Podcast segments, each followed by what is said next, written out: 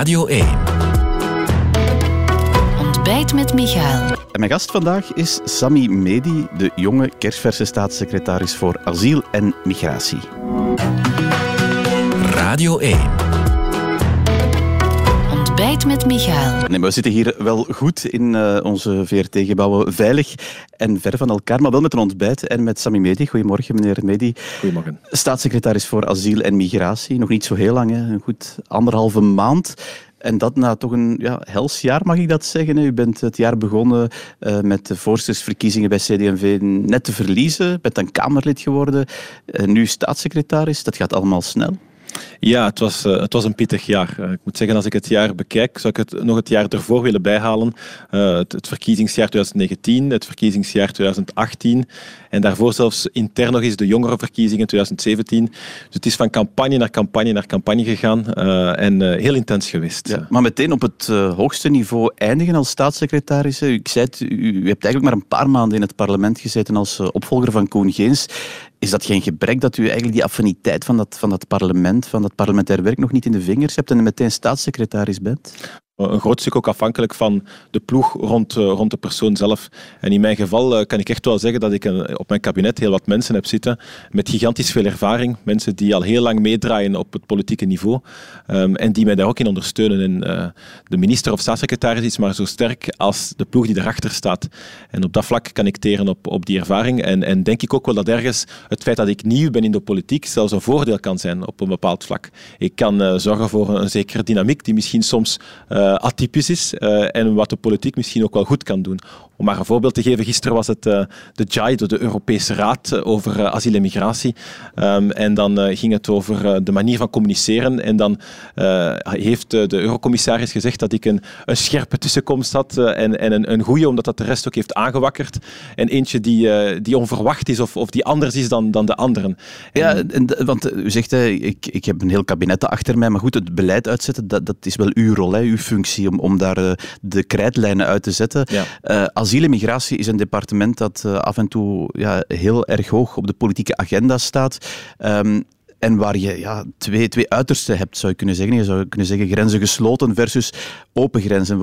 Het is natuurlijk heel, heel rudimentair voorgesteld, maar waar, waar wil u zich ergens plaatsen op die lijn? Wel, het zal u niet verbazen als ik u zeg dat ik mij in het midden plaats. Mm -hmm. um, wat ook niet onlogisch is. Hè. Uh, kiezen voor uh, volledig gesloten grenzen uh, en een immigratiestop. dat zou betekenen dat we onze economie ook volledig stopzetten en de kraan van de economie toedraaien. er is een studie geweest van de Nationale Bank onlangs nog. Die heeft laten blijken dat ehm, de migratie van de laatste jaren voor een, een toename in het BBP van 3% heeft gezorgd. dat zou nog meer kunnen zijn indien dat we nog meer inzetten op integratie, op het activeren van mensen op de arbeidsmarkt, uh, mensen de taal aanleren. Uh, maar daarnaast uh, moet je ook wel zorgen voor een migratiebeleid dat gevolgd wordt door iedereen. En dus is er ook wel een sterk terugkeerbeleid nodig om effectief ook voor solidariteit te kunnen zorgen. Ik kan niemand vanuit Moria naar hier laten overvliegen en hier onderdak geven, als ik daarnaast ook de mensen die hier komen en geen recht hebben om hier te blijven, ook niet effectief probeer zoveel als mogelijk terug te sturen. Ja, en dat is het pijnpunt altijd bij asiel en migratie. Diegenen die hier niet mogen blijven, die laten terugkeren. U hebt deze week, denk ik, de, de richting uitgezet van waar u wil op verder gaan, wat dan die vrijwillige terugkeer is. Is, is dat echt waar u naar kijkt? Goh ja, het is, uh, uh, de slogan is altijd geweest vrijwillig als het kan en gedwongen als het moet. Mm -hmm. en, en dus we moeten zoveel als mogelijk inzetten op vrijwillige terugkeer, um, omwille van verschillende redenen. Eerst en vooral is het veel goedkoper dan gedwongen terugkeer. Bij gedwongen terugkeer gaat het over een opsluiting in een gesloten centrum, um, met uh, heel wat begeleiding die daarbij hoort. Dus dat kost de belastingbetaler ook wel wat. Het is naast goedkoper ook gewoon een veel menselijkere manier van om te gaan met mensen die hier toekomen en uiteindelijk geen asiel krijgen.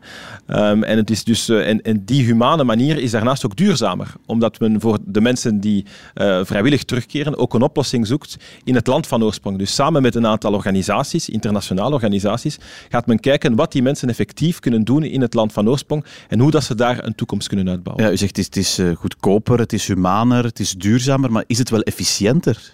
Ja, wel, uh, u kunt kijken naar de cijfers van de voorbije jaren. En dus als u kijkt naar uh, het jaar 2012 bijvoorbeeld, toen zaten we aan een vrijwillige terugkeer uh, om en bij de, de 6000 personen in, in het jaar 2012.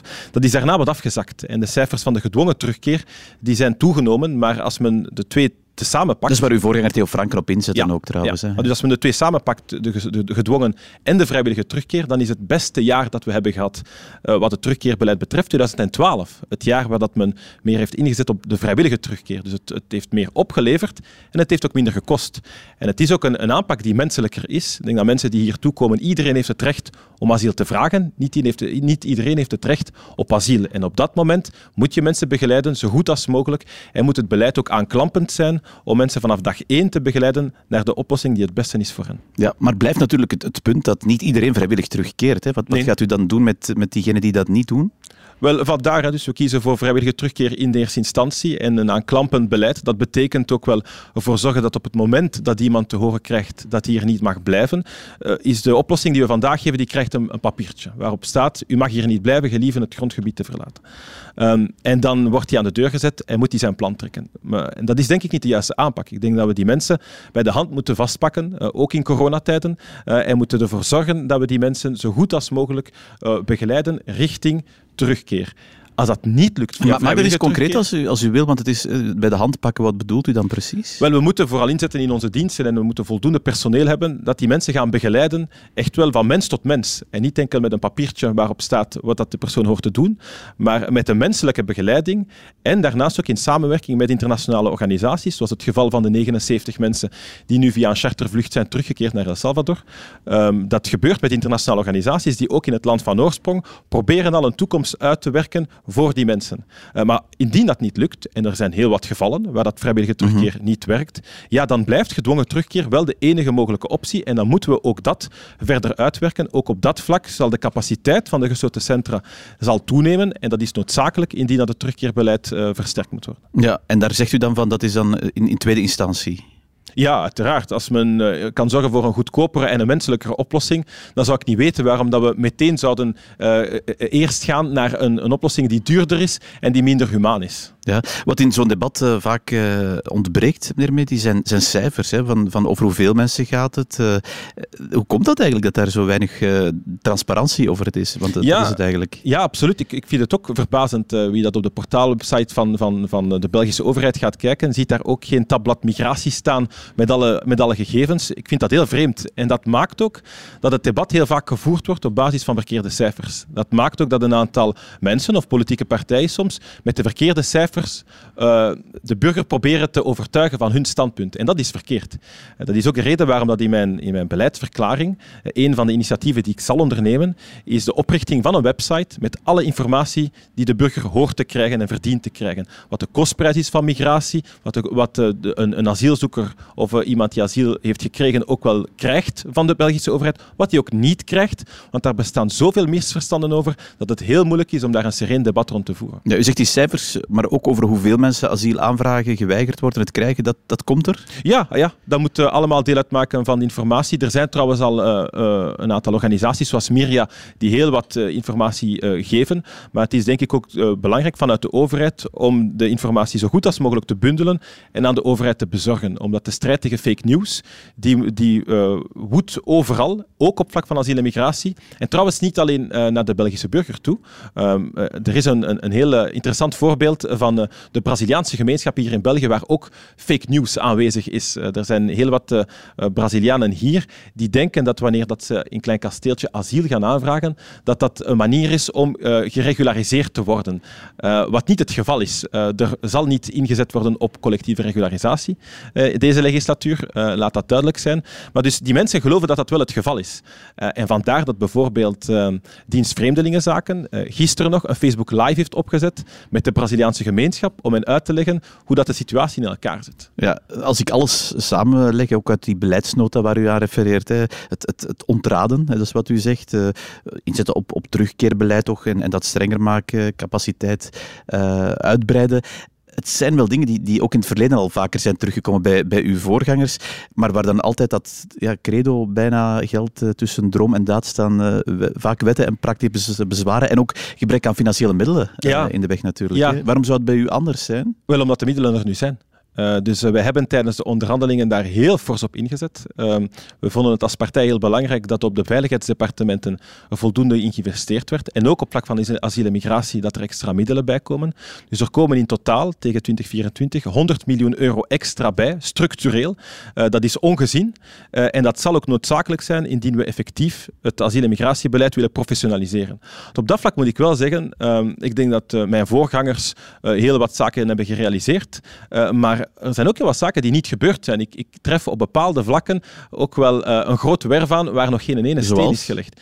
Wel, als ik de Raad voor Vreemdelingenbetwistingen hoor dat digitale dossiers onbestaand zijn, dat ze daar al jaren om smeken, dan vind ik dat vreemd dat daar niet op werd ingezet. En als ik dan zeg, ik zal daarvoor zorgen, dan kijken ze bij de glimlach en dan denken ze, ja, dat hebben we al een keer eens gehoord. De middelen zijn er nu en dus ik kan niet enkel over spreken, ik kan er de komende jaren ook wel voor zorgen. Ja, naast staatssecretaris bent u natuurlijk lid van uh, die, uh, die, Mooie die regering. Ja, maar eerst even over die regering. Um, u bent als jongerenvoorzitter ook heel vaak en ook als kandidaatvoorzitter proberen die stempel te drukken op die aanslepende regeringsformatie. Is dit nu uw droomregering ook? Goh, ik, uh, ik kan moeilijk zeggen uh, of dat dit mijn droomregering is, omdat ik niet uh, geweten zou hebben wat een, een paar schelen mm -hmm. dynamiek gegeven zou hebben. Ik, ik stel wel vast... Zou dat anders geweest zijn, denkt u? Wel, dat weet ik niet. Ik kan alleen maar vaststellen dat de dynamiek vandaag in deze regering, met, uh, met mijn collega's uh, in, in de regering, dat die heel goed zit. We zitten met een, een, een, vrij jonge ploeg, met een ploeg met heel wat mensen die voor het eerst in een regering zitten. En uh, ik voel wel dat er een zekere collegialiteit is. Ik kan alleen maar hopen dat die, dat die er blijft, die collegialiteit. maar op dit moment zit de vibe vrij goed. en dat is niet slecht voor het land.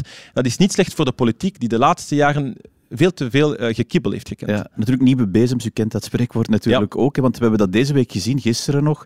Uh, het lijkt wel of in dat regeerakkoord er toch nog wel wat losse eindjes zitten, die koolstoftax bijvoorbeeld. Hè. Is, wat, wat is daar nu eigenlijk over afgesproken? Goh, ik heb uh, gisteren collega Van der Straten gehoord en mijn collega van Petegem, die hoor ik iedere dag. en ook daar merk ik dat er collegialiteit is. En ja? effectief, het is wel zo dat er een aantal losse eindjes zijn. Dat is in ieder regeerakkoord zo. Men kan, als men alles tot in de kleinste detail in een regeerakkoord wilt schrijven, zodat er geen enkel uh, punt van discussie is, dan heeft men een regeerakkoord nodig van duizenden pagina's, waar dat men jaren over over Maar over die koolstoftax, wat is daar dan uiteindelijk uh, de, de beslissing? Wel, ik eh, denk dat u dat moet vragen aan de bevoegde ministers, niet aan mezelf. Ik laat het aan hen over. Ik denk wel dat er op basis van hetgeen ik gehoord heb, zowel van collega Van der Straten als van collega Van Petegem, dat er een oplossing gevonden zal worden die gaat in de juiste filosofie. Uh, en namelijk, we moeten ervoor zorgen dat we verder investeren in hernieuwbare energie. We moeten ervoor zorgen dat de lasten op arbeid dat die verder verlaagd worden, want die zijn in dit land nog altijd veel te hoog. En we moeten de lasten verschuiven naar consumptie ja, en, ik, en, naar vervuiling. En hoe dat precies zal gebeuren, daarvoor zult u het hen moeten vragen en niet aan mij. Ja, dat uh, antwoord geeft u als, als, als een volleerde uh, staatssecretaris. uh, maar, maar het zijn, er zijn wel potentiële conflicten, want dat, is, dat, dat lijkt toch niet uitgepraat? In ieder huishouden zijn er potentiële conflicten. Ik ken geen huishouden waar dat niet het geval is. En dat hangt af uh, niet van, van het dossier, niet van uh, de waan van de dag, maar van de manier hoe dat mensen en politici daarmee uh, omgaan. En dus ik ga ervan uit, op basis van de dynamiek die er nu is, dat ook deze horde op de juiste manier genomen zal worden, net omwille van het feit dat respect aanwezig is en dat respect er zal moeten blijven de komende jaren. Hoe is het in uw eigen partij? Want ik heb dat helemaal in het begin gezegd. U, u bent net geen voorzitter geworden begin dit jaar. Uh, ja, hoe, hoe had dat geweest? Ja, ik ben toch al blij dat u mij aanspreekt als staatssecretaris voor asiel en migratie. De laatste maanden was het eerder uh, de bijna voorzitter van CD&V. Dat, dat hoorde ik dan overal. Uh, maar goed, er zijn verkiezingen geweest en ik, ik ben geen Donald Trump, dus ik herken de verkiezingsuitslag.